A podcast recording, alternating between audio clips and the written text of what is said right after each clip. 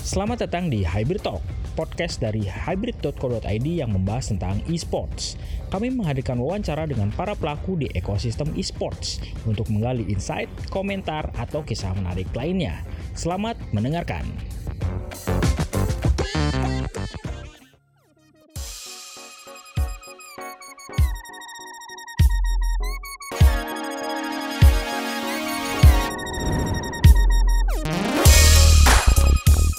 Saya bersama uh, Nick. Nick. Hi, I'm Nick Vanzetti. I'm the Managing Director of ESL Asia Pacific Japan, and we're going to talk about ESL in Indonesia. Thank you so much for inviting us here. And the first question, obviously, is why choose Indonesia? What makes Indonesia interesting for ESL? Uh, well, first of all, I mean, Southeast Asia in general as a, a marketplace is uh, showing a lot of growth in esports, and there's uh, a lot of opportunity for us at, at this point.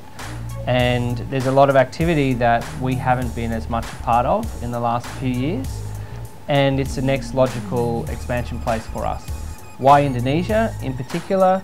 Um, obviously, a huge country, very passionate fan base um, of players. There's um, uh, a great partnership that we have here with the, the Salim Group that made this a, a logical step for us um, to build a build a foundation here. Uh, this is my my personal uh, curiosity as well because uh, ESL in in Europe and Australia like you have so many games uh, PUBG, uh, Rainbow Six, but in Indonesia usually it's just all about Mobile Legends. because uh, do you do you also like planning to make some varieties in here, like try to, to do Rainbow Six or uh, CS:GO maybe? So interestingly, when we announced that we were coming to Indonesia, our social feeds were lit up with "Where's CS:GO? yeah, yeah, yeah. yeah. Why not CS:GO?" Yeah, yeah. Uh, so that's something like why we're adapting a little bit, right? We're looking at um, uh, doing something that we know can be strong here first. We know that Dota 2 has a fan base. Um, so we do want to introduce new titles. Uh, we'd love to bring CSGO uh, to Indonesia, and I think that's probably one of the next titles that we'll expand into um, and try and experiment. But ultimately, it really comes down to a couple of factors, right? Um, is their community big enough? Um, will they either watch the content or compete in the tournaments?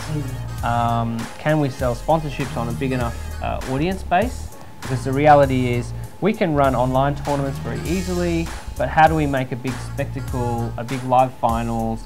We can't do that without the support of either the publisher or, or sponsors, right? So we may also do, um, you know, PUBG or various other games, depending on what uh, the public, our discussions with the publisher at that time. Uh, talking about sponsors, uh, you you guys have campaigns like Vodafone, right? In uh, in Europe, I think. Yep. Yeah, uh, and if I I see in Europe like uh, recently, uh, SK Gaming is with uh, Mercedes, right? And you ESL also has With partner Mercedes. with Mercedes. Yep. Uh, do you think if uh, ESL could also bring some the non-endemic brand in here, and do you think it will be harder or not? Because yes, uh, esport in Europe is like really big, right? Uh, is it harder, or do you also plan to bring some non-endemic brand? Yeah, absolutely. I mean, so in our uh, broadcast last night, we had uh, a whole suite of brands, uh, part, partly due to our um, support and sponsorship uh, from IndoFood. Yeah. So with IndoFood, we have Pop Mie, Chitato, Indomilk. Um, there was actually a Mercedes logo in the broadcast last night. So it's, uh, we're working together with Mercedes across Indonesia. And, but that's just the start, right? So we have a huge amount of support from uh, obviously some of the Salim Group and related companies. There's also CBN Fiber. Um, we've got Elevenia, AutoPay, um, but that's the beginning, right? That's because of how we're going to start in investing in the space together with our partners. Um, but there are a multitude of other non-endemic brands who are interested in Indonesia, and uh, we'll continue to explore those possible partnerships and, and see whether they uh, will, will come on board. Do you think it it will be harder or or not?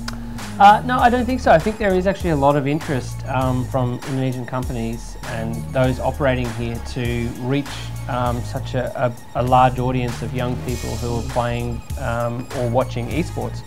So I, it, I think it's just as hard as it is anywhere in the world because sometimes getting these non-endemic sponsorships is difficult. It takes a long time to educate. What does it mean? How do I get my brand in there authentically? Yeah. Um, so it's difficult to get those partners on, but no more difficult in Indonesia. Does that make sense?